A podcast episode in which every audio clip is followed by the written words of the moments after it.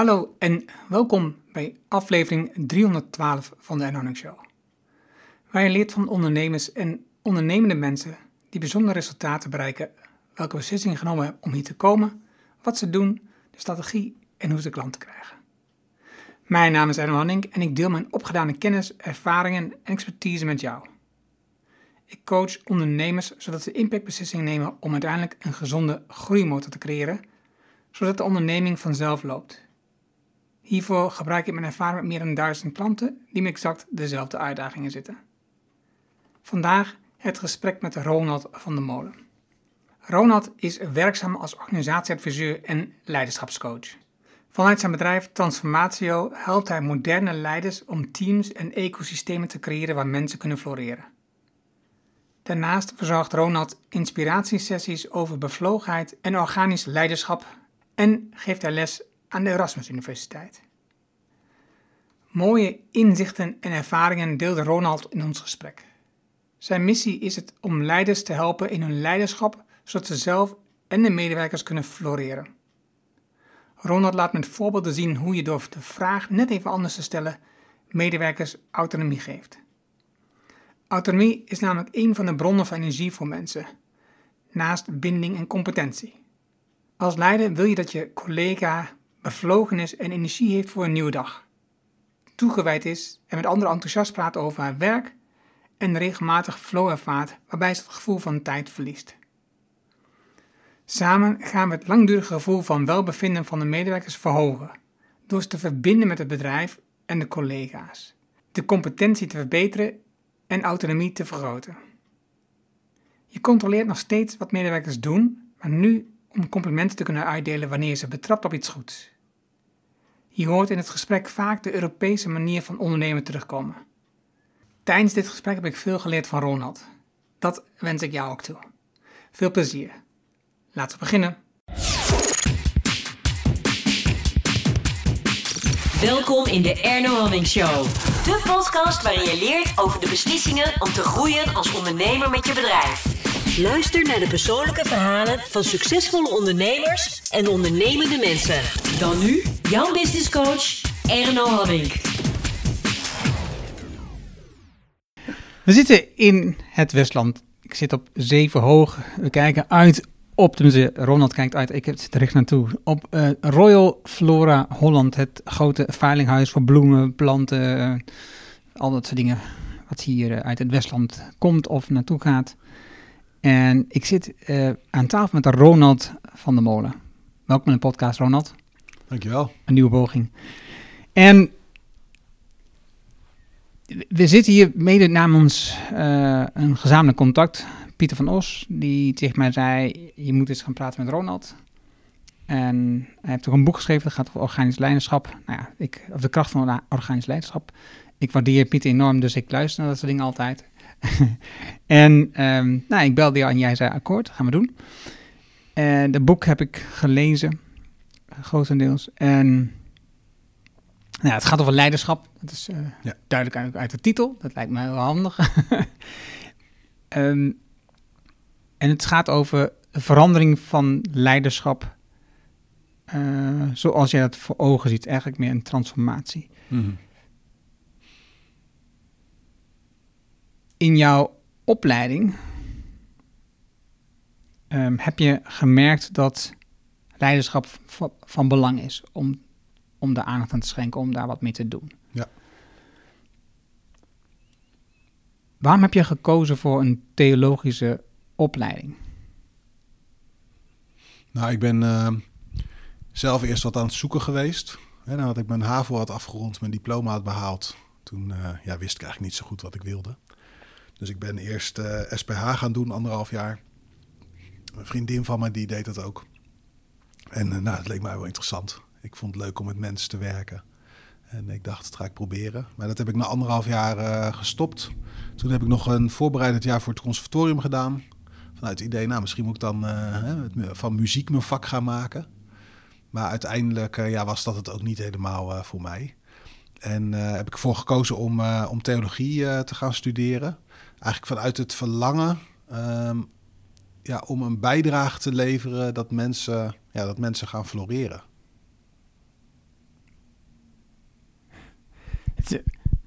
Als ik nu aan floreren denk, dan denk ik aan Flora, wat ik net heb gezegd. Dus ja? en het is natuurlijk ook bijzonder, want um, boek gaat ook over eigenlijk de verschillende fases van de natuur ook. Dat, Ja. Telkens heb je elementen van de natuur ook erin verwerkt. Ja. Waarom wil je dat mensen floreren? Ehm, ik denk omdat dat ja, ten diepste, dat die potentie gewoon ten diepste in ons zit. Dus zoals ehm, ja, de potentie van een appelboom hè, ten diepste is om zeg maar tot bloei te komen en dan vervolgens hè, ja, vlinders, bijen aan te trekken en appels te produceren. Zo geloof ik ook dat de ja, potentie van mensen ten diepste is om nou, te floreren, tot bloei te komen. En vervolgens eh, ja, zichzelf ook te vermenigvuldigen. Op zo'n manier dat, eh, nou, dat er een betere wereld ontstaat.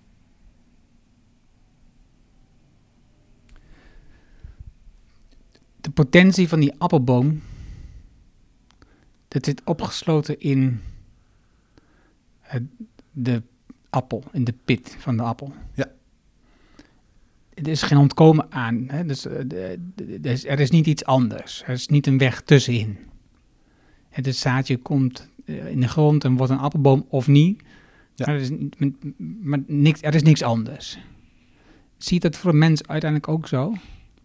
Nou, is wel wat anders, hè, want er zijn ook natuurlijk eh, hè, ehm, pitten van, van appels die zeg maar wel ontkiemen, maar die eh, op een gegeven moment eh, ja, opgegeten worden door dieren of die het uiteindelijk niet, niet redden. Ehm, maar uiteindelijk, hè, ehm, ja, dat zo'n zo'n boom zeg maar hè, tot bloei komt, ja, dat is wel denk ik de bestemming zeg maar van die boom. En zo geloof ik ook dat de ja, bestemming van mensen is om eh, te floreren. Alleen heb ik het gevoel dat de meeste mensen dat niet weten. Nou, ik denk vandaag de dag dat mensen, hè, als het gaat om welzijn, heb je zeg maar kortdurend welzijn. Eh, dan denk ik aan bijvoorbeeld tevredenheid of werkgeluk of vermaak. En je hebt zeg maar langdurend welzijn hè, of lange termijn welzijn. En dat gaat meer over bevlogenheid, over, over passie en ook over ja, vreugde. En ik denk dat we ehm, de neiging hebben om ons te richten op zeg maar, dat kortdurende welzijn. Terwijl het veel interessanter is om te kijken naar dat eh, lange termijn welzijn. Dus bij heel veel bedrijven wordt er nog eh, ja, onderzoek gedaan naar medewerkerstevredenheid. Nou, dat gaat over kortdurend welzijn. Eh, terwijl als je dan aan ze vraagt, wat willen jullie uiteindelijk? Nou, dan hebben ze het over termen zoals duurzame inzetbaarheid. Hè. Ze willen dat mensen graag op de lange termijn een waardevolle bijdrage aan hè, de organisatiedoelstellingen kunnen leveren. Eh, maar ze focussen zich op het meten zeg maar, van dat kortdurende welzijn. Nou, als je dat al doet, ja, dan zou ik zeggen, hè, kies ervoor om eh, dat te gaan meten als mensen terug zijn gekomen van een vakantie. Want dan krijg je veel betere cijfers. Eh, maar ik denk dat het nog veel interessanter is om bijvoorbeeld de bevlogenheid van mensen te gaan eh, meten. Omdat dat iets zegt over hoe ze, op, eh, ja, hoe ze het op de lange termijn doen. En ja, dat, er is ook nou ja, zeg maar een goede koppeling te vinden in, in onderzoeken tussen de bevlogenheid van medewerkers en de organisatieuitkomst. Hè, dus de resultaten van een bedrijf.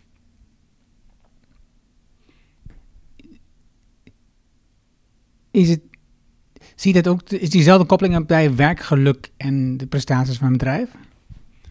Nee, die is, die is minder. Hè? Dus bij werkgeluk, ehm, eh, maar ook ehm, ja, dus bij tevredenheid en bij, eh, bij vermaak, ja, gaat het over, over de korte termijn, hè? over kortdurend welzijn. Uh, skilliger. Hè, als ik zeg maar, eh, nou ja, jaar heel lang heb gewerkt en hard heb gewerkt en ik ben echt aan vakantie toe, ja, dan ervaar ik minder tevredenheid, minder werkgeluk. Uh, terwijl mijn bevlogenheid gewoon nog steeds uh, hoog kan zijn.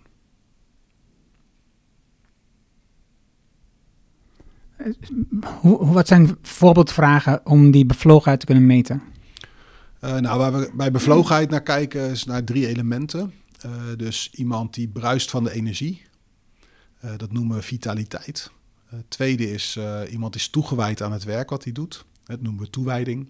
En het derde is iemand gaat regelmatig op in zijn werkzaamheden. Of iemand gaat op in zijn werkzaamheden. Dat noemen we dan absorptie of flow. Um, nou, naar die drie elementen kijken we. dus ja, als jij s ochtends opstaat, hè, heb je dan zin zeg maar, om aan het werk te gaan. Als jij bruist van de energie, dan heb je echt zoiets, oh, weet je, dan gaan we knallen, wordt een mooie werkdag, ik ga dit doen, ik ga dat doen. Nou, dan ben je vitaal. Als jij op een verjaardagsfeestje of in een ontmoeting met mensen enthousiast over je werk praat, hè, daar trots op bent, uh, ook echt het idee hebt dat dat zin heeft, hè, dat je iets doet, iets, iets doet met, uh, ja, iets waardevols doet met de tijd die je is gegeven. Nou, dan ben je toegewijd.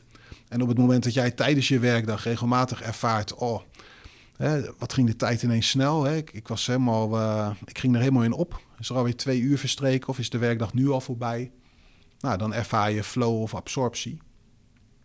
En er zijn vragenlijsten voor. Uh, maar in wezen, hè, door naar deze drie elementen te kijken, kun je voor jezelf al bepalen um, ja, hoe het gesteld is met je, met je bevlogenheid.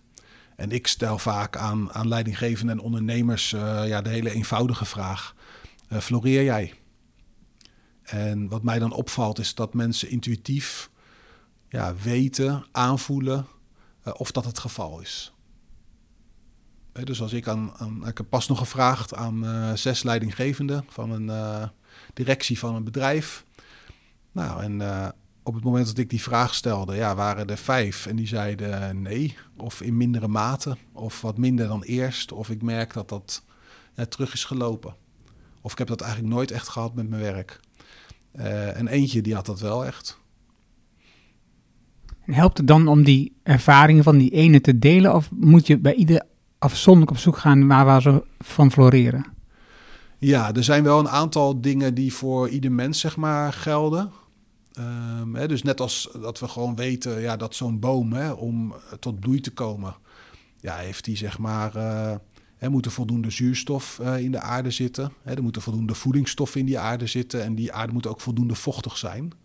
Zo weten we ook als het gaat om het floreren van mensen, dat er een aantal dingen zijn uh, nou, die voor iedereen gelden. Uh, ik, ja, dat, dat worden zeg maar bronnen genoemd. Uh, bronnen op organisatieniveau die maken dat mensen wel of niet uh, floreren. Um, maar het is ook altijd specifiek. dus de, de, tweede vraag die ik meestal stel is: joh, welke keuzes moet jij maken om jouw welzijn op lange termijn te verbeteren, zodat je meer gaat floreren? En ja, bij de ene persoon krijg je een antwoord van: nou, ik moet de lat minder hoog gaan leggen of minder kritisch zijn op mezelf. Um, en bij de ander uh, krijg je dingen aan, ja, ik laat eigenlijk nu uh, hè, mijn leven te veel bepalen door andere mensen. Ik moet beter mijn grenzen gaan aangeven. Hè, of me minder gaan vergelijken met andere mensen. Ja, het antwoord wat mensen op die tweede vraag geven, dat verschilt, uh, verschilt enorm per persoon. Maar ook daarin merk ik dat mensen intuïtief vaak wel weten wat ze moeten doen om hun welzijn op de lange termijn te vergroten. Wat zijn een paar van die algemene bronnen die je net noemde in een bedrijf? Ja, er zijn, ik noem dat een ABC, uh, eh, dus autonomie. Dat is zeg maar uh, de ruimte die je krijgt om je eigen gedrag, je eigen acties te be bepalen. dat is in de eerste plaats een perceptie. dus is de ruimte die jij ervaart om bepaald gedrag, bepaalde acties te, te bepalen. Het eh, tweede is binding of sociale steun. Dus het gevoel met andere mensen verbonden te zijn en ook met de organisatie aan zich verbonden te zijn. En het derde is uh, competentie. En dat gaat over het vertrouwen in eigen, in eigen capaciteiten, in eigen acties. Nu zie je regelmatig van, uh, van die testen die voorbij komen. Als je mensen uh, zeg maar, wilt kijken wat, waar ze goed in zijn, wat hun, waar hun talent ligt. Mm -hmm. um, hoe zie jij die testen in, het, in dit soort bronnen? Ja, dat, uh, kijk, een test waar je goed in bent hè, of waar je talent voor hebt, dat gaat feitelijk over, over hè, de C van competentie. Want op het moment dat mensen datgene doen waar ze goed in zijn, of goed in kunnen worden, of steeds beter in kunnen worden, ja, dan ervaren ze meer vertrouwen in hun eigen capaciteiten en acties dan als ze datgene doen waar ze geen talent voor hebben. Dus dat is zeker slim om, om naar te kijken. Uh, maar als ik mijn, mijn boek zeg maar samenvat voor mensen uh, in één zin, dan zeg ik altijd: uh, leiderschap gaat over het vergroten van autonomie en niet over het vergroten van afhankelijkheid. Dus ik denk dat die behoefte aan autonomie die mensen hebben, um, dat die nog groter, nog sterker is als die behoefte aan competentie.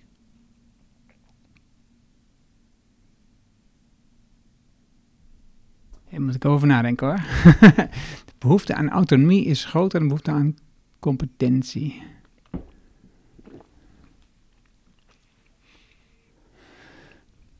Want autonomie geeft je de ruimte om zelf keuzes te maken. En als je competenties hebt, je kan nog niet zelf kiezen wat je doet, heb je niet, dan word je daar niet echt veel gelukkiger van. Nou, ik denk dat er, er zit een soort volgorde in. Hè? Dus de meeste mensen die eh, gaan naar of aan het werk omdat ze het gewoon leuk vinden om met andere mensen samen te werken. Dus dat is die binding of sociale steun. Nou, door met andere mensen samen te werken, hè, leren we ook dingen. We leren dingen bij en we leren dingen af. Dus neemt onze competentie toe. Uh, maar uiteindelijk, op het moment dat we ergens competent in zijn, dan willen we ook graag ruimte om dat werk op onze eigen manier te kunnen uitvoeren. Dus wat dat betreft is naar mijn idee die autonomie, dat is het ultieme doel. Dus leiderschap gaat over het vergroten van autonomie en niet over het vergroten van afhankelijkheid. Maar het verschilt wel een beetje per, ja, per type werknemer waar op dat moment de, meest, de sterkste behoefte ligt. Want iemand die net is afgestudeerd, ja, die wil gewoon graag uh, zijn cv opbouwen. Dus die heeft zeg maar vooral, vooral behoefte aan die competentie. Terwijl uh, ja, iemand die uh, weet je, al, al, jarenlang voor een organisatie werkzaam is, hè, die zal een grotere behoefte hebben aan autonomie. Omdat hij gewoon inmiddels ervaren is, weet wat hij kan, wat hij wil. Ja, ja. ja dus die volgende binding, competentie en dan autonomie.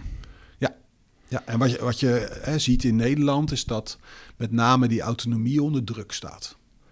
Dus uh, is onderzoek gedaan bijvoorbeeld door Effectory. Um, maar ook eh, dus door andere organisaties herhaald. En dan zie je dat, uh, en dit was voor uh, COVID-19, dat uh, ruim 50% van de Nederlandse werknemers autonomie mist in zijn of haar werk. Dus daar is echt wel een wereld te winnen. En over het algemeen geldt dan hoe groter de organisatie, ehm, hoe kleiner zeg maar, of hoe beperkter ehm, ja, die autonomie wordt beleefd. Is daar is daar een logische verklaring voor? En eh, niet de grote, maar wel dat het in Nederland steeds um, dat het meer afneemt, het gevoel van autonomie? Ja, organisaties worden, als ik bijvoorbeeld in het Westland kijk, worden steeds groter. Um, dus waar je vroeger hier zeg maar gewoon um, een tuinsbedrijf had van een aantal hectare. En als tuinder zeg maar zowel de ondernemer was, uh, de aandeelhouder, uh, de manager en alles gewoon deed, zie je nu dat de schaalvergroting optreedt. dus in positieve zin ja, kun je kiezen in welke rol jij het meeste waarde toevoegt. Uh, maar je hebt wel gewoon te maken met veel meer mensen die, die moeten worden aangestuurd. Weet je wel, bedrijven waar veel meer mensen werken dan vroeger. En dat zie je in Nederland, zie je dat, ja, denk ik, de afgelopen decennia sowieso gebeuren. Dat organisaties steeds groter worden.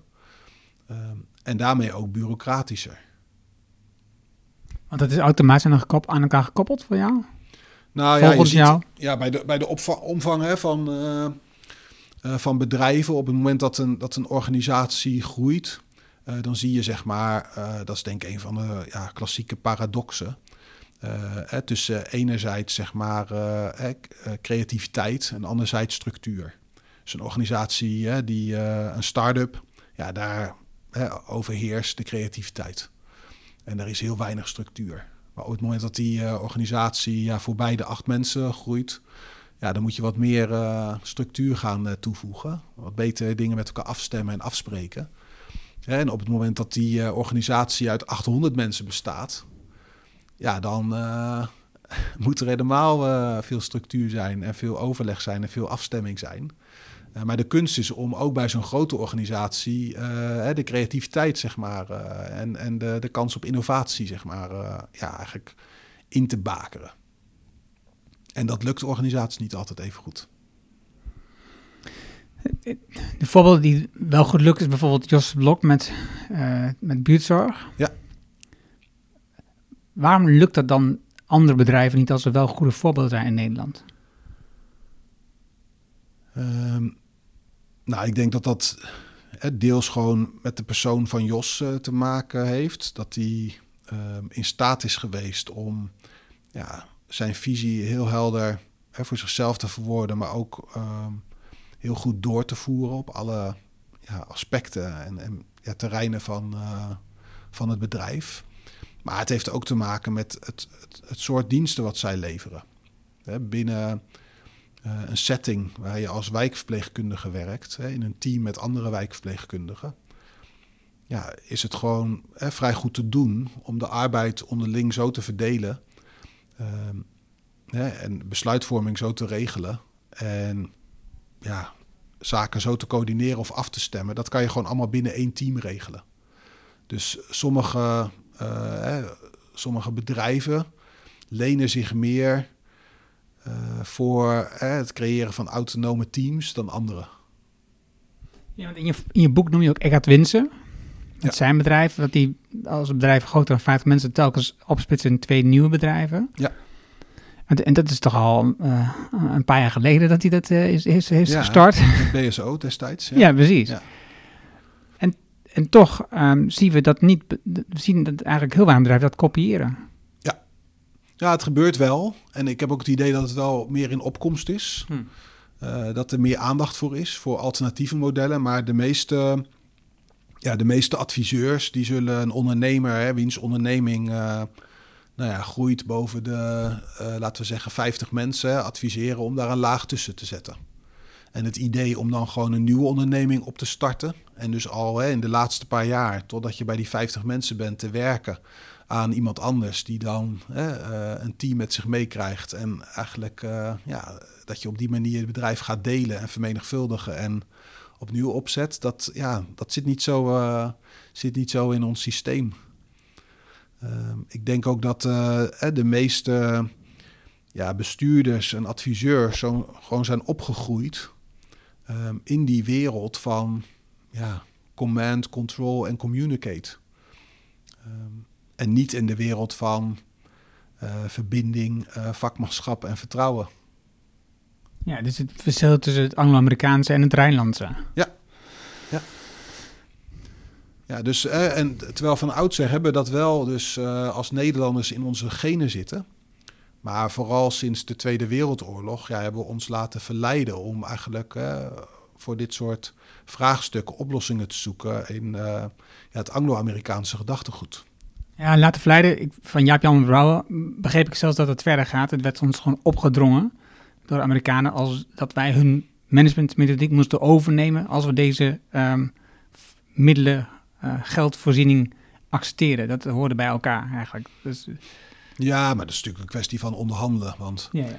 als je je, kan, je kan zeggen, iemand heeft mij iets opgedrongen. Je kan ook zeggen, ik heb me iets laten opdringen. Uh, ja, ik ben er niet bij geweest bij die onderhandelingen. Nee, nee, ik ook niet. Maar, uh, en Jaap-Jan Brouwer ook niet. nee, wat mij betreft is er altijd heel veel uh, ruimte mogelijk. Zolang je maar weet wat, wat het belang is van degene die aan de andere kant van de onderhandelingstafel zit. En uh, als je de meeste mensen vraagt van, joh, wat wil je uiteindelijk bereiken? Ja, dan wil je niet dat het ene belang het andere overheerst. Maar dan wil je graag, als je gaat samenwerken, een situatie creëren waarbij beide belangen worden, worden gediend. Ja, dat is natuurlijk in, zo'n onderhandeling natuurlijk. Maar de vraag of je dat werkelijk nastreeft. Hè? Dus, dus als je een onderhandeling ingaat vanuit positie, ik wil gewoon winnen.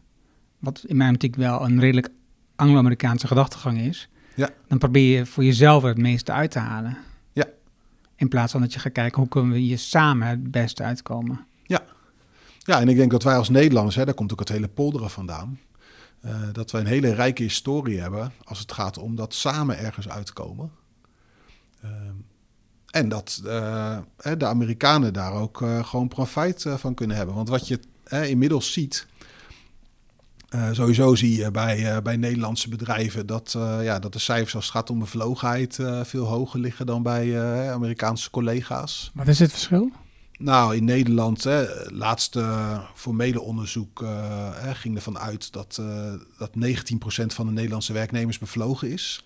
En dat schommelt eigenlijk al jaren tussen de 20 en 25 procent. Dus dan hebben we het over hè, nou, een vijfde, een kwart zeg maar, van de medewerkers die bevlogen is. En je ziet dat het bij, uh, ja, in Amerika dat dat rond de 10 procent ligt. Het klinkt wel alsof het wat gedaald is. Of lijkt dat zo?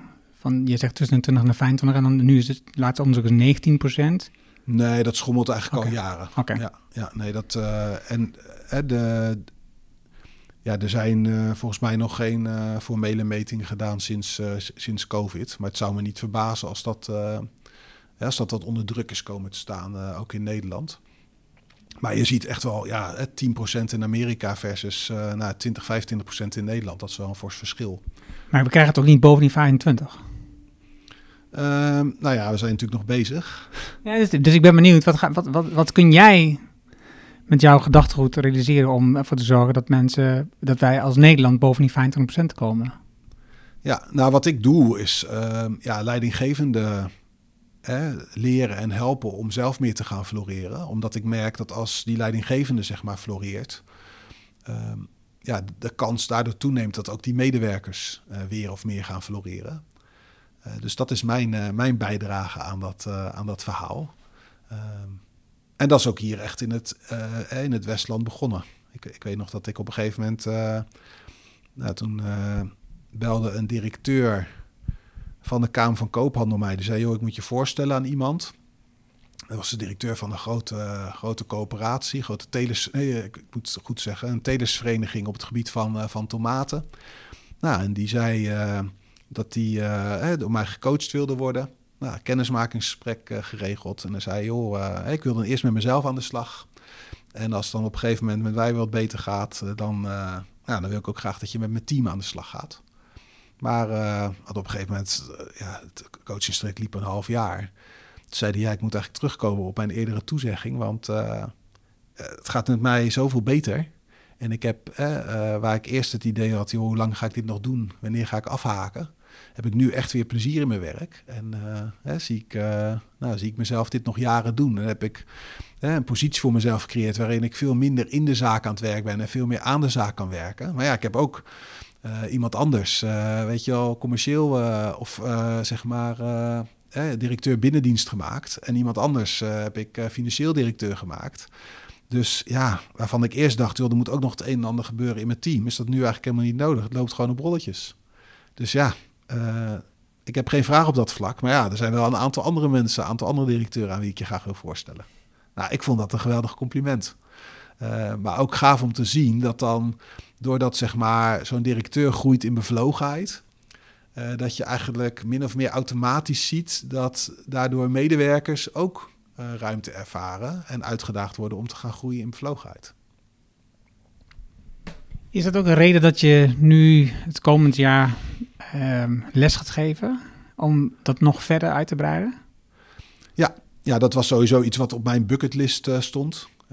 Ik denk dat ja, de Erasmus Universiteit eh, nou, volgens mij een van de meest gerenommeerde universiteiten is als het gaat om, om business universiteiten in Nederland. Dus ik dacht, het zou gaaf zijn om daar eh, nog les te geven. Maar ja, het lijkt mij geweldig om eh, ook vanuit dat instituut zeg maar een bijdrage te leveren aan ehm, eh, de bevlogenheid van, eh, van leidinggevenden en daarmee ook de bevlogenheid van werk in Nederland. Want zie je bij dit soort businessopleidingen, zit daar meer de Anglo-Amerikaanse gedachte achter of meer de Rijnlandse gedachte achter? Nou, dat verschilt denk ik wel een beetje ehm, hè, naar welke approach je kijkt. Want eh, ik ga dan eh, lesgeven aan eh, twee executive programs. Hè, dus dat is bedoeld voor ja, mensen die op C-level al jaren actief zijn. Hè, dus al werkervaring hebben, et cetera. Ehm, de, professoren die zeg maar werken aan de, aan de gewone universiteit... Ja, die worden ook al heel sterk afgerekend op het aantal publicaties eh, wat ze moeten publiceren. Dus daar zie je wel dat er ja, een enorme sterke drang is naar eh, kwantiteit. Hè, Ik heb wel eens iemand op eh, horen merken, een beetje cynisch misschien, maar ja, eh, dat, dat het huidige systeem wat we hebben gecreëerd uh, op universiteiten ervoor zorgt dat mensen niet meer gaan nadenken, maar eigenlijk minder gaan nadenken. Omdat ze zo worden afgerekend op uh, de hoeveelheid publicaties en niet op de kwaliteit van de publicaties die ze, die ze publiceren. ja, die laten we dan even gaan, want ik denk dat het belangrijk is dat je mensen floreert en dat je nadenkt over de les dus de Nederlandse stuur van lesgeven. Maar je kan dus wel, hè, dat, wil ik er maar over zeggen, je kan dus soms een systeem uh, creëren uh, wat eigenlijk haaks uh, komt te staan op wat je beoogt. Want op zo'n universiteit, bedoel, iedereen is het erover eens van ja, je wil juist weet je wel, de kwaliteit van het denken vergroten en stimuleren. Hmm. Maar toch hebben we de neiging hè, om daar dan managers bij te zetten die dan hè, op een gegeven moment, ja, want die hebben gewoon onvoldoende kennis van zaken als het gaat om de materie en de inhoud. Dus wat gaan die doen? Ja, die gaan iets anders meten dan wat jij had bedacht. Ja, dat vind ik wel fascinerend, dat we dat met elkaar doen. nou ja, met wat je al zegt, heel logisch, want ze hebben te weinig um, vakmanschap. Ja. Waardoor ze dus iets anders zoeken wat in hun optiek hun vakmanschap is. Algemene managementmiddelen en termen. Ja. Om uh, andere mensen op af te rekenen. Terwijl juist in het Rijnlandse is vakmanschap een van de meest belangrijke dingen die je uh, ondersteunt in je bedrijf, waarbij je mensen helpt om ook dat te ontwikkelen en nieuwe mensen aantrekt en opleidt in je bedrijf, zodat ze lang blijven. Ja. Hè, dus de duurzaamheid van medewerkers, uh, die natuurlijk een bevlogenheid ook ondersteunt. En dat is dus je werk biedt wat, wat, um, wat inhoud heeft, wat werkt naar een groter doel. Um, dan wil je ook investeren in je eigen vakmanschap. Ja. Dus ja, ik, zelf klinkt dat natuurlijk heel logisch dat als je dan een manager tussen zet die dat vakmanschap niet heeft. En, en, en daar heb ik het wel eens met Tom van Lubbock over. Dus als je dan kijkt naar Rijnlandse bedrijven, als je dan een manager hebt, die is ook vaak gewoon in staat om gewoon in het proces in te grijpen. Die kan nog steeds de handelingen doen van die medewerker en, en aantonen, gewoon hè, dus voordoen hoe, hoe, het, hoe het anders kan, hoe het beter kan of wat, hè, wat ook zou kunnen. In plaats van zeggen, nee, je moet het binnen drie minuten doen. Ja. Nee, en op het moment dat je niet zoveel uh, vakinhoudelijke kennis hebt, uh, ja, dan neemt naar mijn idee de neiging hè, om afhankelijkheid te vergroten als leidinggevende neemt toe. In plaats van dat je juist die autonomie gaat uh, stimuleren. Dus dit, dit, zou, dit zou dus een, um, een plus zijn om vakinhoudelijke mensen als manager aan te stellen. Uh, ja, maar kijk, bij aanstellen, dan, dan doe jij dat voor hen. Hmm. Ik zou meer zeggen, uh, hen ruimte geven om in zo'n rol door te groeien, als ze daar ook talenten voor hebben. Uh, ja, en het vraagt ook een stuk, uh, vraagt ook een stuk reflectie hè, op je eigen handelen. Uh, en ja, we, we, hebben zeg maar in Nederland denk ik ook een systeem gecreëerd waar, waar allerlei prikkels in zitten die ervoor zorgen dat we de afhankelijkheid van mensen vergroten in plaats van juist hun autonomie. Dus dat vraagt ook om een systeemwijziging. En die is heel groot, klinkt het voor mij. Ja, maar om hem iets kleiner te maken. Ik, ik deed pas een, uh, uh, een inspiratiesessie voor een hele groep uh, leidinggevenden. samen met VNO-NCW. En nou, dat was een masterclass over leiderschap. En toen vroeg aan het eind, mochten ze mij ook vragen stellen over mijn verhaal. En toen was er een dame en die gaf leiding aan het ministerie. En die zei, ja, ik vond het echt een geweldig verhaal. Hè? De autonomie van mensen vergroten, hè? autonome teams, hè? zelforganisatie. Um, ja, echt een geweldig verhaal. Ik ben er heel enthousiast over. Zegt, uh, ik heb het geprobeerd hè, om mijn uh, medewerkers meer verantwoordelijkheid te geven. Maar ja, het lukt niet, want ze pakken het niet op. Dus ik zei, oké, wat verwacht u nu van mij? Nou, zei ze, ik wil graag wat reflectie en feedback. Dus ik zei, uh, bent u er klaar voor? Er zaten ook een paar klanten van mij in de zaal. Die begonnen een beetje te grinniken. Dus uh, zegt, ja, ik ben er klaar voor. Ik zeg, nou, wat laat u zien op het moment dat u uw medewerkers meer verantwoordelijkheid wilt geven. Nou, dat nu die verantwoordelijkheid bij mij ligt en dat ik dat graag met hen wil delen. Ja, precies. En ik zeg, is dat voor hen te onderscheiden van het krijgen van een opdracht? Van een nieuwe opdracht van hun leidinggevende? Nee, zei ze, dat is niet te onderscheiden. Ik zeg, nou, dan is dat precies waar het misgaat. Want op het moment dat u dus die verantwoordelijkheid aan hen probeert te geven, ervaren zij in dat proces ja, heel weinig autonomie. Want u bepaalt. Ja, en is het denk ik heel logisch dat ze dat niet op zich nemen. Dus eigenlijk staat uw aanpak, hè, u wilt dat die mensen meer autonomie op zich nemen, die staat haaks op uw aanpak. Uh, want ja, u wil die verantwoordelijkheid aan hen geven. Dus die aanpak die u heeft gekozen is niet een, een kiem van de gewenste situatie. Nee, die staat daar haaks op. Nou, zegt ze, maar hoe moet ik het dan doen? Ik zeg, nou ja, dat weet ik niet, want ik ken uw, eh, uw situatie onvoldoende. Maar u kunt zich misschien al die verantwoordelijkheden voorstellen als een stapel kaarten.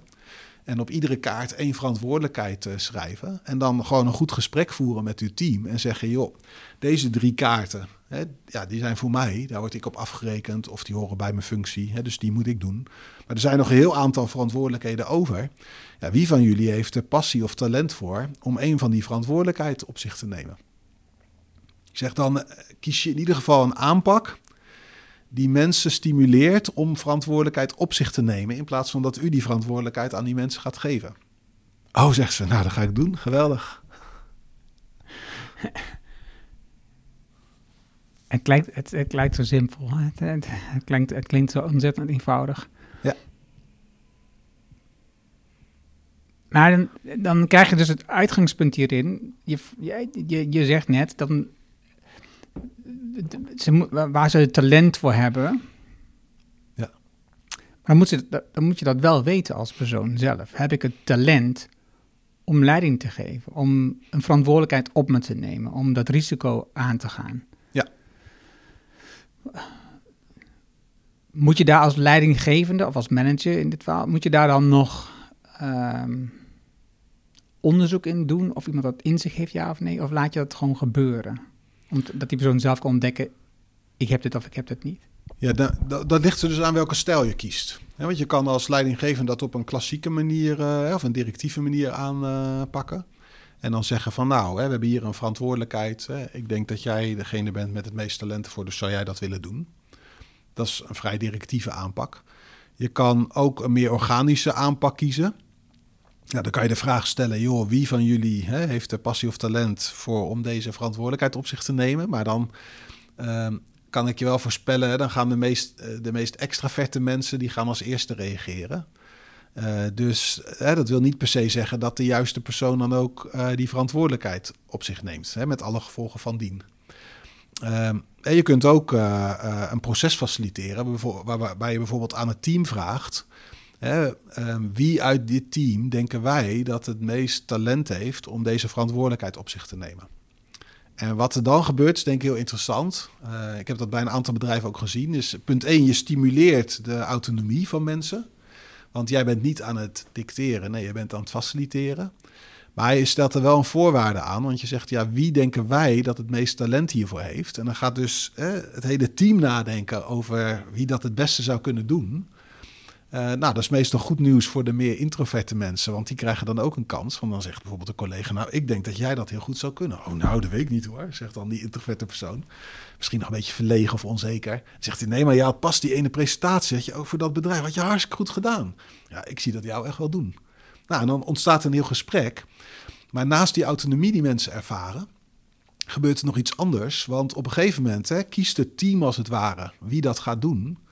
Uh, met als gevolg, ja, als die persoon dat je een keer vastloopt, of als het toch niet zo goed, goed lukt, of het valt tegen, ja, dan gaat het hele team die persoon helpen om het alsnog te doen. Want ja, het was hun gezamenlijke besluit. Dus voelen zich ook gezamenlijk verantwoordelijk.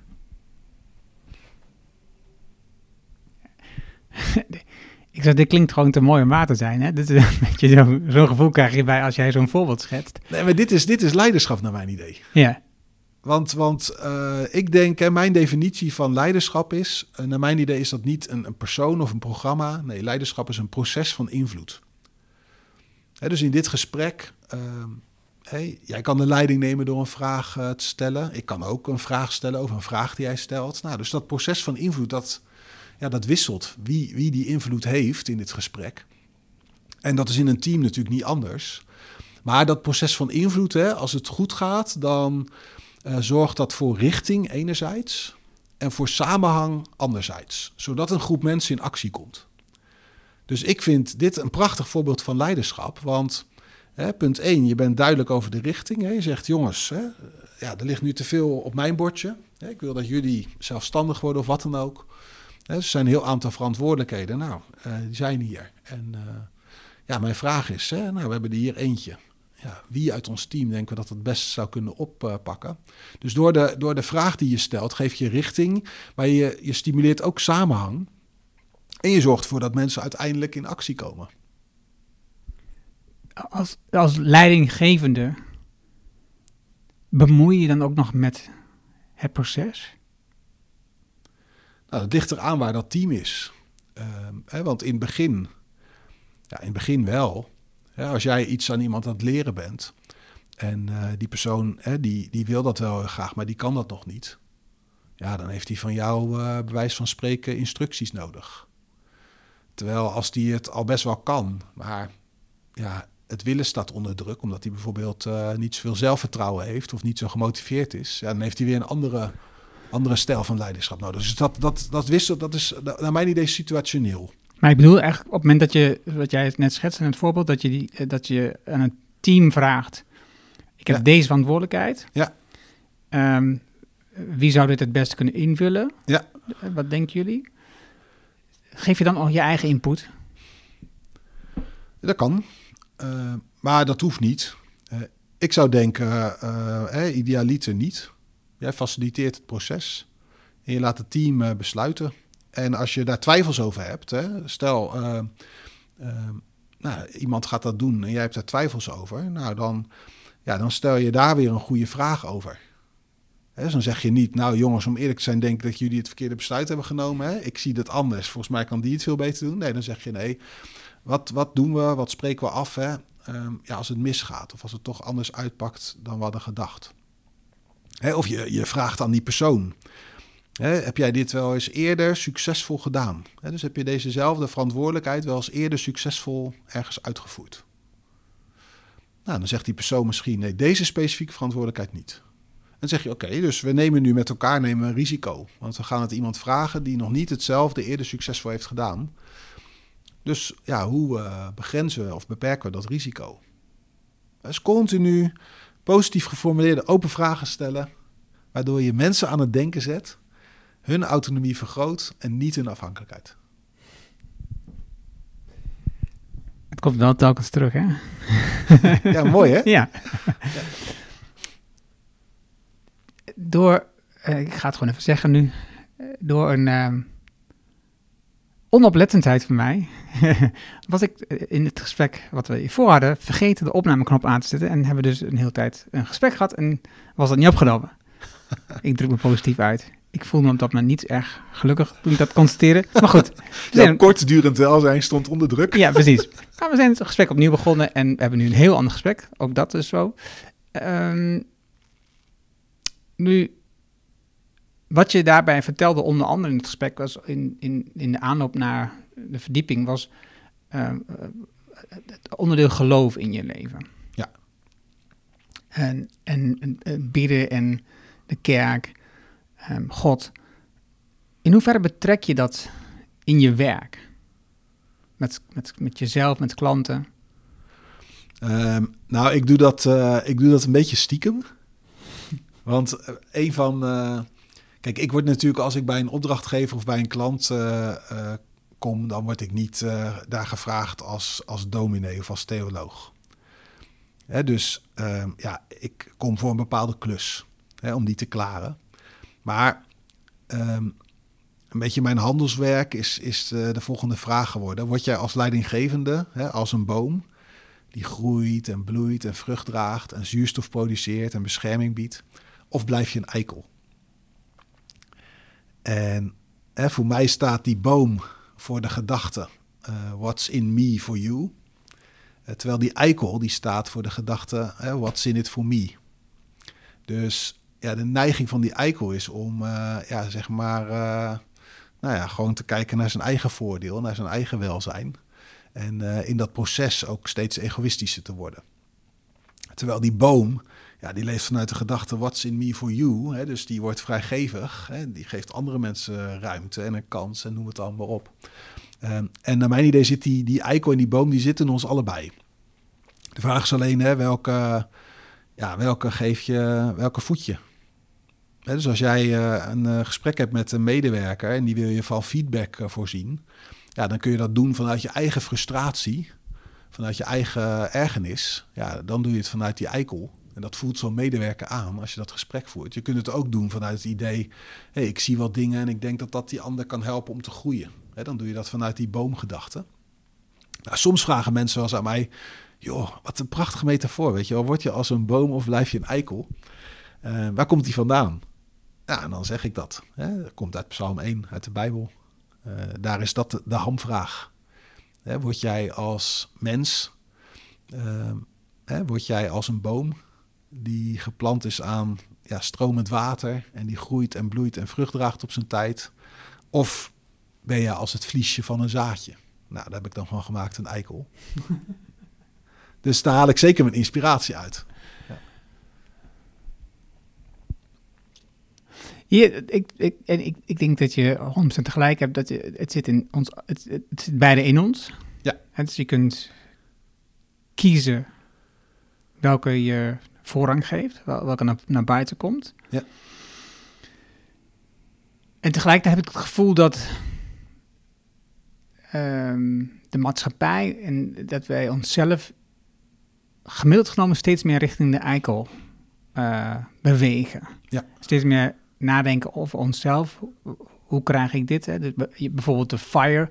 Um, F-I-R-E. Uh, um, Financial Independent Retire Early. Is dat bijvoorbeeld? Hè? Dat, zo, ja. zo, en, en, dat gaat dus over hoe word ik snel rijk, zodat ik uiteindelijk um, kan rentenieren. En dat betekent niet dat je niet werkt, maar in ieder geval het werk kan doen wat je leuk vindt. Mm -hmm.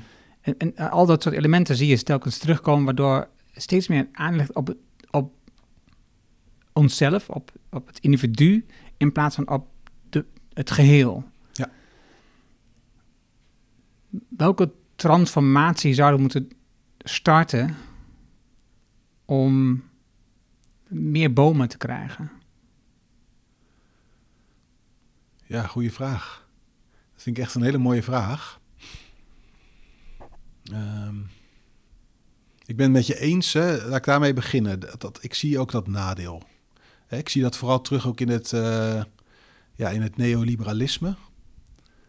Dat we enorm, dat de focus enorm is komen te liggen op het aangaan van de compet competitie met elkaar. Zelfs met onszelf. Hè, dat, dat mensen ja, hun vakantiefoto's op Facebook posten en dan, uh, weet je wel, uh, constateren dat ze dit jaar nog maar 50 likes hebben gehad, terwijl dat er vorig jaar 75 waren. Weet je wel, dat, ja, dat leidt tot een soort van vervreemding van onszelf, maar ook van elkaar. Dus ik zie dat, ik zie dat zeker gebeuren. Um, ja, ik denk uh, dat het te maken heeft met dat we eigenlijk veel te beperkt dan naar uh, de wereld en de samenleving kijken. Dus wat mij betreft uh, moeten we allereerst de manier waarop we kijken veranderen. Uh, want ik geloof zelf dat als ik iemand anders benadeel en ik ben eh, met die persoon verbonden in deze samenleving, in deze maatschappij, dat ik uiteindelijk mezelf ook benadeel.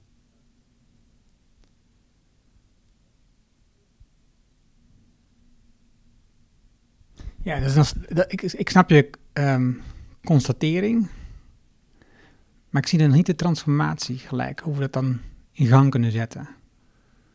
Nee. Of, of even, Ronald, want um, wat ik nog bedenk is, wat ik heel mooi vond in jouw verhaal over Ja. die transformatie, over de drie fases daarin. Hè, en met name een bepaald moment dat je dus, je gaat een transformatie aan Mhm. en, en je weet, ehm, dat je moet uitgaan van de nieuwe situatie en niet kunt denken van de huidige situatie. Kun, kun je, die, kun je dat uitleggen, dat stukje? Want ik vond het super interessant. Ja, Weet je wat ik bedoel, overigens? Nee, ik ben nog aan het zoeken. dacht ik al, oké. Ik zie je kijken en denk, nou, volgens mij snapt hij het niet. Dus, is, als, als leider ben je onderdeel van de transformatie. Dat Ja. was een van de elementen erin. Maar het eerste element was dus dat je dus, ehm, als, je de, als je de verandering aangaat, de transformatie aangaat, dat je dus moet uitgaan vanuit, de, de, je moet werken vanuit de nieuwe situatie. Ja, de En- gewenste situatie. Precies, in Ja. plaats van ehm vasthoudt aan de huidige De situatie. huidige, ja. Kun, kun je dat uitleggen? Ja, waar, hè, dat heeft te maken met dat. ehm, hè, als ik kijk naar leiderschap, dan eh, is dat naar mijn idee dus een proces wat richting geeft en eh, samenhang geeft aan een groep mensen. Ehm, eh, en dat ervoor zorgt dat mensen in actie komen. Nou, als jij wilt veranderen of wilt transformeren van A naar B, ja, zul je dat denk ik moeten doen op een manier ehm, die overeenkomt met B. Dus ik noem dat hè, dat eh, de aanpak een kiem is van de gewenste situatie. Dus weer terug hè, naar die mevrouw, eh, die leidinggevende van dat ministerie. Zij wilde graag ehm, hè, dat haar team groeide in zelfstandigheid of eh, in verantwoordelijkheid. Ja, en dan moet je dus ook een aanpak kiezen hè, die daarmee overeenkomt. En die maar da- daarmee overeenstemt. En wat dan het lastige is, ehm, hè, vervolgens, ehm, want ja, je hebt dan richting, hè, je hebt een soort doel, hey, eh, groeien in een stuk zelfstandigheid. Je kiest ook een aanpak die daarmee overeenkomt, maar daarmee zitten heel veel leidinggevenden zichzelf vervolgens in de weg. Ehm, dus dat heeft te maken met die twee elementen bij iedere verandering. Eh, ja, je hebt zeg maar de procesmatige dimensie van veranderen. Eh, dat is bijvoorbeeld dat we de urgentie gaan vergroten. Hè, dat we mensen oproepen om een bijdrage te leveren. Proberen mensen te inspireren of te motiveren. Een soort tijdlijn te creëren van nou, welke stappen gaan we wanneer zetten. Ehm, maar vervolgens heb je ook nog een eh, inhoudelijke dimensie. En waar ja, de meeste literatuur gaat eigenlijk over die procesmatige dimensie. Dus hoe geef je vorm aan die verandering? Terwijl die in- inhoudelijke dimensie, eh, dat gaat over het gedrag wat jij als leidinggevende vertoont. Ehm, waardoor eh, het effect is dat die medewerkers zich op een bepaalde manier gedragen. En dus ik was pas bij een grote zorgverzekeraar. Nou, en die eh, wilde graag dat de medewerkers meer initiatief zouden gaan nemen. En hun eerste stap die ze gingen zetten was dat zij als leidinggevende gingen nadenken over een initiatief wat zij konden organiseren om ervoor te zorgen dat die medewerkers meer initiatief gingen nemen. En dat hadden ze zelf niet door. Dus hè, er zat natuurlijk een, een reden achter. Hè. Nou ja, het gaat te ver om dat helemaal uit te diepen. Maar waarom ze dat initiatief wilden vergroten. Maar hun aanpak om dus initiatief bij medewerkers te vergroten was dat zij een initiatief gingen nemen als leidinggevende. Zij gingen iets organiseren en ze hoopten dan dat doordat zij iets gingen organiseren, die medewerkers meer initiatief gingen nemen. En ik heb toen gezegd van Joris, hebben jullie door eh, dat jullie nu jezelf in de weg zitten? Dus dat wat jullie doen haak staat op wat je wilt bereiken. Nou, hè, door een aantal vragen van mij kregen ze dat door. En toen zeiden ze, ja, maar hoe kunnen we het dan doen? En toen zijn we gaan, gaan verkennen, joh, hoe zou dit eruit kunnen zien? En hebben we nou, bijvoorbeeld gekeken naar, joh, welke medewerkers, welke teams nemen er nu al initiatief? En hoe kunnen we die initiatieven een podium geven? Hoe kunnen we dat versterken? Hoe kunnen we dat op andere plekken introduceren? Hoe kunnen we bijvoorbeeld een team wat nog niet zoveel initiatief neemt, eh, ja, op excursie laten gaan naar een team waar heel veel energie wordt of initiatief wordt genomen. En hen ja, een opdracht meegeven van jongens, ga maar kijken hoe het werkt. En eh, kom terug met een aantal ideeën eh, waar jullie initiatief in kunnen nemen. Het is een hele andere benadering. Oké. En, en, en, en dankjewel voor de uitleg, want ik denk dat het belangrijk is dat je dat begrijpt. En het is mooi eigenlijk in het boek. Nu terug naar die maatschappij. Ja. En we zien, ja, ik, meer mensen zien dat, daar, dat dat niet verder kan. Dat, dat het, we lopen tegen de grenzen aan van een heleboel dingen. De maatschappij, de samenleving, het milieu. Het is, in, enorm veel dingen lopen tegen de grenzen aan, dus daar moet iets veranderen. Ja, eigenlijk iets, er moet iets getransformeerd worden. Exact, ik zeg weer het verkeerde, sorry. Ik gebruik weer het Ja. verkeerde woord. Ja. Transformatie is beter. Ja. En waar ik dan eh, mo- nog steeds moeite mee heb, waar ik naar zoekende ben, is een beter woord, is wat voor transformatie, wat voor transformatie dan? Ik, vanochtend eh, had ik bijvoorbeeld de vraag op Twitter gesteld. dus hoe krijgen we nou en eigenlijk denk ik eh, over na over leiderschap en denk, oh ja, wacht even, misschien was het wel de verkeerde vraag. Eh, hoe krijgen we nu, ehm, eh, even denken hoor, dat iedereen welzijn krijgt in plaats van een paar mensen welvaart? Ja. Dat was mijn vraag. Ja. Want dat, dat zijn dus dingen waar ik dus mee bezig ben. Worstel is niet, niet helemaal het goede woord, denk ik, maar in ieder geval mee bezig ben, is dat ik dus nadenk over. ehm, want dat is natuurlijk wat er op dit moment heel veel gebeurt. Dus er zijn een, een aantal partijen, bedrijven, organisaties, ondernemers, die eh, alleen maar bezig zijn om nog meer welvaart te vergaren. Ja. Terwijl tegelijkertijd in de rest van de wereld het welzijn niet toeneemt. Of ja, hè, volgens andere metingen neemt het wel toe. Maar ik zou zeggen, als we dat wat verdelen, zou het veel sneller kunnen toenemen. Zou veel meer welzijn kunnen krijgen, bijvoorbeeld in Afrika, om zo te noemen. Ja. En dat zou je ook in Nederland kunnen. Hè? Ook dat in Nederland gebeurt exact hetzelfde. We hebben genoeg mensen die in armoede leven. En we hebben ook een aantal mensen die alleen maar meer welvaart creëren voor zichzelf. Ja. Dus zie jij een transitie voor je? En wat zou dan, wat zou dan goede stappen zijn om dat te organiseren? Dan beantwoord je een beetje mijn vraag. Nou, het begint denk ik met hè, dat, dat nog wat scherper moet worden wat je precies wilt bereiken. Want eh, als we bijvoorbeeld kijken, de koppeling tussen eh, welzijn en welvaart, ja, die gaat wel tot een bepaald bedrag. Ik geloof dat het ergens eh, 70.000 is. rond de 70.000 euro ligt. Maar hè, als je meer gaat verdienen dan dat, dan neemt je welzijn niet per se toe. Hè, ik zeg vaak tegen de mensen, als je echt, weet je wel, je eigen welzijn wilt vergroten, moet je gewoon toe gaan leggen op het welzijn van andere mensen. Dat is naar mijn idee de beste manier om eh, zelf ook hè, gelukkiger te worden of meer te gaan floreren. Dat is ja, wat ik doe, je bezighouden met het laten floreren van andere mensen.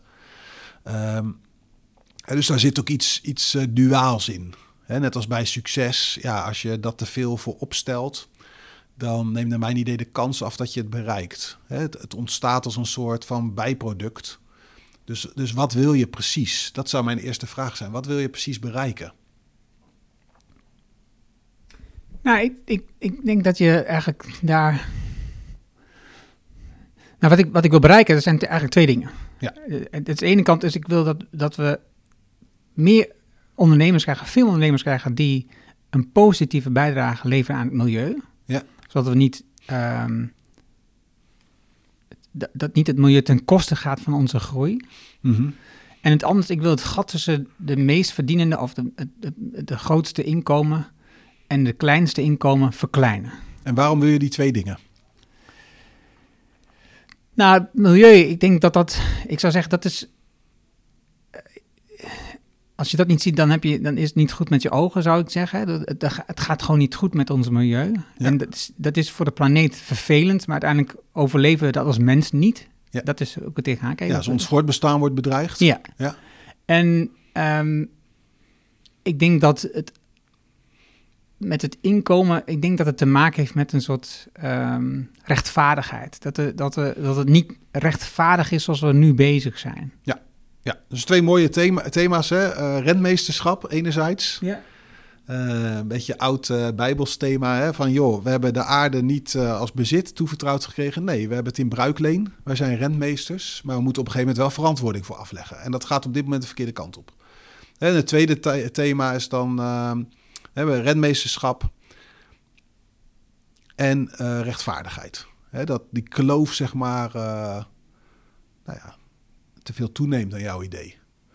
Ehm, nou, ik denk dat dat, ehm, als je dat helder hebt, van joh, we willen dus de rechtvaardigheid wat dat betreft vergroten. Hè, hoe hoe eh, zeg maar geldbezittingen, eh, kapitaal wordt verdeeld en eh, hoe we omgaan zeg maar, met, met, hè, met deze planeet, met deze aarde.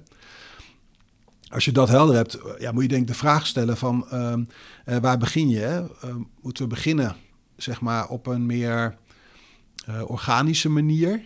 Eh, dat je zegt, hé, hey, we gaan kijken waar dit al goed gebeurt. En we gaan dat op andere plekken introduceren, mensen daarmee inspireren, et cetera. Of beginnen we met een eh, systeemwijziging, hè, met een structuurwijziging. Nou, wat over het algemeen blijkt, hè, als je kiest wat voor soort verandering of hoe je die verandering insteekt, hè, dus welk proces je gaat, gaat kiezen. Als je zeg maar ja, structuren wilt veranderen, systemen wilt veranderen, nou, dan um, is een mechanische aanpassing ja, is prima. Dus als jij een reorganisatie in je bedrijf moet doorvoeren, dan kun je dat best op een, een mechanische manier aanpakken.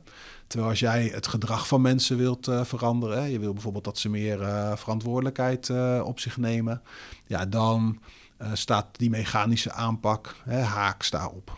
Die, ja, die, nou, die, die zorgt er niet voor dat, dat je dat daadwerkelijk gaat bereiken, maar dat gebeurt juist niet tegenovergestelde. Hè, kenmerkend voor die mechanische aanpak is dat je dingen gaat invoeren en uitrollen. dat is vaak de termen die we gebruiken. Dus je, ja, je vergroot de urgentie en vervolgens maak je een soort veranderplan en dat ga je invoeren en uitrollen. Maar op het moment dat ik zeg, ja jongens, we gaan uh, hier uh, een verandering invoeren, waardoor jullie meer verantwoordelijkheid op je gaat nemen. Ja, dan is de reactie van die mensen tegen wie ik dat zeg, dat ze hun armen over elkaar doen, achterover gaan leunen en zeggen, joh, kijken waar ze nu weer mee komen. dat is niet weerstand, nee, dat is gewoon het effect van mijn eigen suggestie. terwijl als je zeg maar renmeesterschap um, en uh, rechtvaardigheid wilt stimuleren hè, op een meer organische manier, dus dan focus je op zeg maar gedrag, hè, op routines, op dat soort zaken. Ja, dan is het naar mijn idee veel slimmer om te beginnen met ja, waar gebeurt dit al? Dus waar zien we voorbeelden van gebieden of streken of zelfs mensen die voorheen heel veel aan het vergaren waren en daar nu heel anders mee omgaan? En wat heeft er dan bij hun voor gezorgd dat die omslag kwam? En dat als het ware gaan, ja, gaan onderzoeken en ook gaan uitvergroten. En ja, dan begin je dus met de ontwikkeling. Hè? Dus waar zien we al dit soort ontwikkelingen plaatsvinden? Uh, ik vind een heel mooi voorbeeld, heel praktisch. Uh, ja, uh, Pieter Pot, hè, is een start-up uit Rotterdam. Nou, die hebben een bedrijfje opgericht hè, met als doel om zeg maar uh, de, nou, die hele levensmiddelenindustrie verpakkingsvrij te maken. Of in ieder geval daar een heel end in te gaan. Nou, en in plaats van dat die dus uh, allemaal spullen leveren in verpakkingsmaterialen, wat je dan weer weggooit en wat zeg maar de, de natuur belast. Ja, leveren zij, weet ik veel, in spaghetti en hun pindakaas, noem het allemaal op, in glazen wekpotten. Nou, daar betaal je statiegeld over. En die worden door hun gereinigd. En zo zorgen ze ervoor dat er een, een betere balans staat. En dat eigenlijk dat renmeesterschap hè, dat wordt op een betere manier wordt ingericht. Nou, dat zijn al voorbeelden. Maar ja, als je op dit moment aanmeldt bij, uh, bij Pieter Pot, dan kom je op een wachtlijst te staan, weet ik uit eigen ervaring. Omdat er gewoon veel meer mensen met hun producten willen, hè, hun producten willen gaan kopen dan ze op dit moment aan kunnen. dus dat is al interessant. Dan kun je al kijken, hey, dat is een mooi voorbeeld op het gebied van renmeesterschap. Hè, om, uh, nou, mooi initiatief. Dus wat kunnen we doen om die mensen van Pieter Pot te helpen? Hè, om uh, zeg maar succesvoller te worden met hun, uh, met hun missie. Uh, en dan zul je op een gegeven moment, hè, ergens in die ontwikkeling, zul je ook het systeem moeten aanpakken. Hè. Dus dan zul je het systeem moeten herontwerpen. Hè, wat heel terecht door het Brechtman natuurlijk werd uh, opgeworpen tijdens uh, Davos was, uh, ja, er moet gewoon meer belasting worden betaald door de, door de rijke mensen. Hè, dus wat zit, er, wat zit er nu in het systeem wat zeg maar haak staat op wat we eigenlijk willen stimuleren. Ik, ik moet zeggen, ik wil twee dingen zeggen. Ja? Laat ik dat voorop stellen. Nee, dat zeg ik nog niet goed. Jeetje, ik moet mijn zaken vaak corrigeren. Ik ga één ding zeggen, ik heb één vraag voor jou nu. Ja. Ik ben zeer dankbaar voor dit laatste inzicht. Je maakt me een blij man. Kijk. En dat komt omdat ik, door wat jij nu zegt, denk, hé, hey, ik ben goed bezig. Want ik, dit is wat ik doe. Je vroeg, eh, voordat we het gesprek ingingen, um, even een beetje praten zo. Um, hey, je bent ondernemer en uh, naast dat je deze podcast doet. Nou nee, ik ben ondernemer en die podcast die doe ik omdat ik het leuk vind. Ja. Maar dat is, niet, dat is niet helemaal correct. Want ik zie mezelf eigenlijk, eerlijk gezegd, 50% van de tijd als ondernemer. Mm -hmm. als, als business coach, dat is namelijk wat ik doe als ondernemer. Ja. En 50% om inzichten, kennis, ervaring te delen met anderen. Ja. Zoals deze podcast en artikelen die ik schrijf in mijn blog. Ja. En dus wat ik doe, wat ik probeer te doen, waar ik elke dag aan werk, is dus voorbeelden verzamelen. Mensen zoals jij eh, in de podcast halen, maar ook mensen zoals Sebastian Klein, die vertelt over um, rentmeesterschap, hoe, hoe hij die ervaring opgedaan in verschillende bedrijven en nu heeft gekozen voor een nieuwe narratieven om dat op te zetten met een steward ownership. Uh, of uh, andere mensen uit, over, in Nederland over steward ownership laten praten. Ja, ik deel dus die positieve ervaringen van mensen die dus al op de pad zijn van dat nieuwe. Ja, jij wil die beweging stimuleren. Ja. ja. Die je eigenlijk al ziet ontstaan. Ja. Ja. Ja, dus, dus ik denk, oh nee, dus dit is mooi. Je hebt, me, een, je hebt me een dankbaar mens gemaakt. Je bent een blij mens gemaakt, want nu denk ik, oh ja, ik, ik zit op het goede pad. Ik moet ook niet de andere pad opslaan, dat heeft geen zin. Dit is wat ik te doen heb. Dit is namelijk de manier die ik goed kan en die ik al jaren doe waar ik blij van word energie van krijg door floreren. Ja. de vraag is, een, een, mooie afronding van ons gesprek ongeveer. Um, zo flauw hoor, maar goed. tussen dit gesprek in, um, het, het, het, het, gesprek wat we niet hadden opgenomen en dit nieuwe gesprek we wel opgenomen hebben, waar je nu naar luistert, zei jij, eh, ik heb gebeden vandaag dat dit het uh, allerbeste, nee dat zeg ik niet goed, maar wat waren jouw woorden? Uh, dat de uh, kwaliteit van deze podcast boven verwachting hoog zou worden. Precies. Is het in deze tweede gesprek, is dat beter gelukt dan in het eerste gesprek? Ja, dat denk ik wel. Dat ja. denk ik namelijk ook. Ja. ja, dat denk ik wel. Ja, dus wat dat betreft is het ook niet zo erg dus dat er soms dingen misgaan. nou, het, is wel, het, het, voelt wel heel vervelend op dat moment. ja, maar er komt naar mijn idee hè, een, een, een fout is een feit plus een oordeel. En uh, we hebben dus de neiging om als er iets gebeurt wat anders is dan we hadden gedacht, om daar ook een oordeel aan te koppelen. En daar voelen we ons vervolgens vervelend over of schuldig over. Um, en soms is dat ook terecht.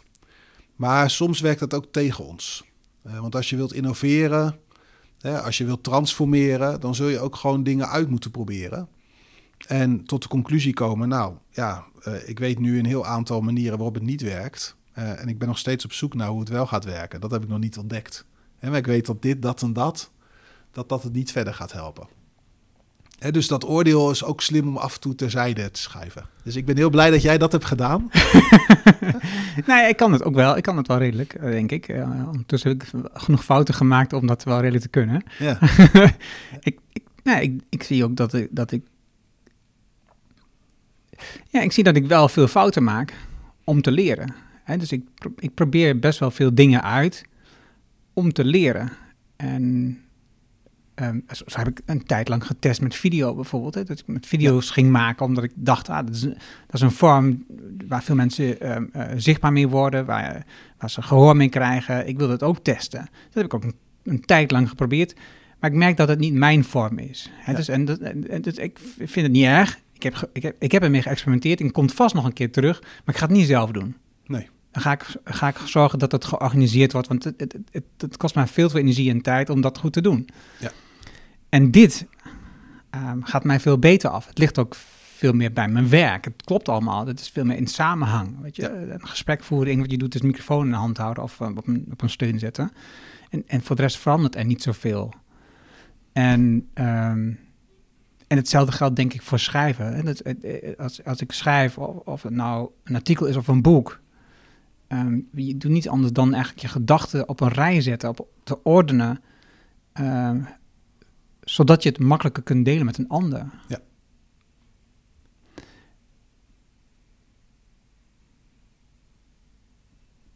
Ja, ik ga een vraag stellen die ik, die ik wel vaker leen van uh, Timothy Ferris, Tim Ferris.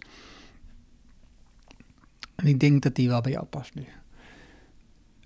Als jij een tekst zou mogen zetten op een billboard. Wat kan worden gezien door miljoenen mensen. Het maakt niet uit of dan virtueel of niet, het maakt niet uit. En er zou geen commerciële tekst op staan. Wat zou er dan wat jou betreft op mogen staan? Leiderschap gaat over het vergroten van autonomie. En niet over het vergroten van afhankelijkheid. Ronald, dankjewel. Heel graag gedaan. Mensen, um, het boek De Kracht van Organisch Leiderschap, voor als je luistert als ondernemer. Ik ga ervan uit dat je nu in dit gesprek een beeld gekregen van Ronald, ehm, hoe hij erover denkt. Alles wat hij vertelt. Uh, dat telkens weer zijn zienswijze. Die haal je uit het boek. Uh, dus ik zou zeggen, wil je aan de slag met leiderschap in organisatie, met transformatie in je bedrijf, dan is dit boek een heel fijn hulpmiddel. Want niet iedereen kan met Ronald zelf werken. Zo kijk ik namelijk tegenaan. En dus um, koop het boek en lees het, is mijn tip. Graag tot de volgende keer. Dat was het mooie gesprek met Ronald. Je vindt de namen en de links die we noemden in het artikel dat bij deze uitzending hoort. Ga daarvoor naar ernohanning.nl slash show 312. Wil je vanzelf automatisch de volgende aflevering van de podcast op je telefoon ontvangen? Dat kan. Heb je een iPhone, dan is het eenvoudig. Daar zit standaard de Apple Podcast app op. Open die app, zoek de Erno Show op en klik op abonneer. Heb je een Android-telefoon, dan installeer bijvoorbeeld eerst de Player FM app. Open die app, zoek de Erno Show op en klik op abonneer. Dankjewel alvast. Heb je vragen, opmerkingen, reacties over deze aflevering met Ronald of heb je een vraag over de podcast in het algemeen? Stuur dan een e-mail naar podcast.ernohanning.nl En ik hoor super graag van jou. Wil je leren hoe je aan de lange termijn impact van je bedrijf werkt die verder gaat dan de huidige generatie? Wil je weten hoe je het bedrijf inricht voor de lange termijn groei en impact? En wil je leren welke drie elementen je uit de waan van de dag halen? Vraag dan het boek Impactbeslissingen van tijdrebellen aan op ernohanning.nl. Dit is mijn nieuwste boek en je downloadt het helemaal gratis. Je hebt zelfs geen e-mailadres nodig. Er is ook een Kindle en EPUB versie. Wil je de papieren versie van het boek? Dat kan ook. Je betaalt dan alleen de verzendkosten. Mijn nieuwste boek is altijd gratis en daarom vraag je het nu aan. Vraag jouw boek aan op ernohanning.nl en je leest het in één avond tijd. Dankjewel voor het luisteren en graag tot de volgende. Dankjewel voor het luisteren naar de Erno Hanning Show op ernohanning.nl.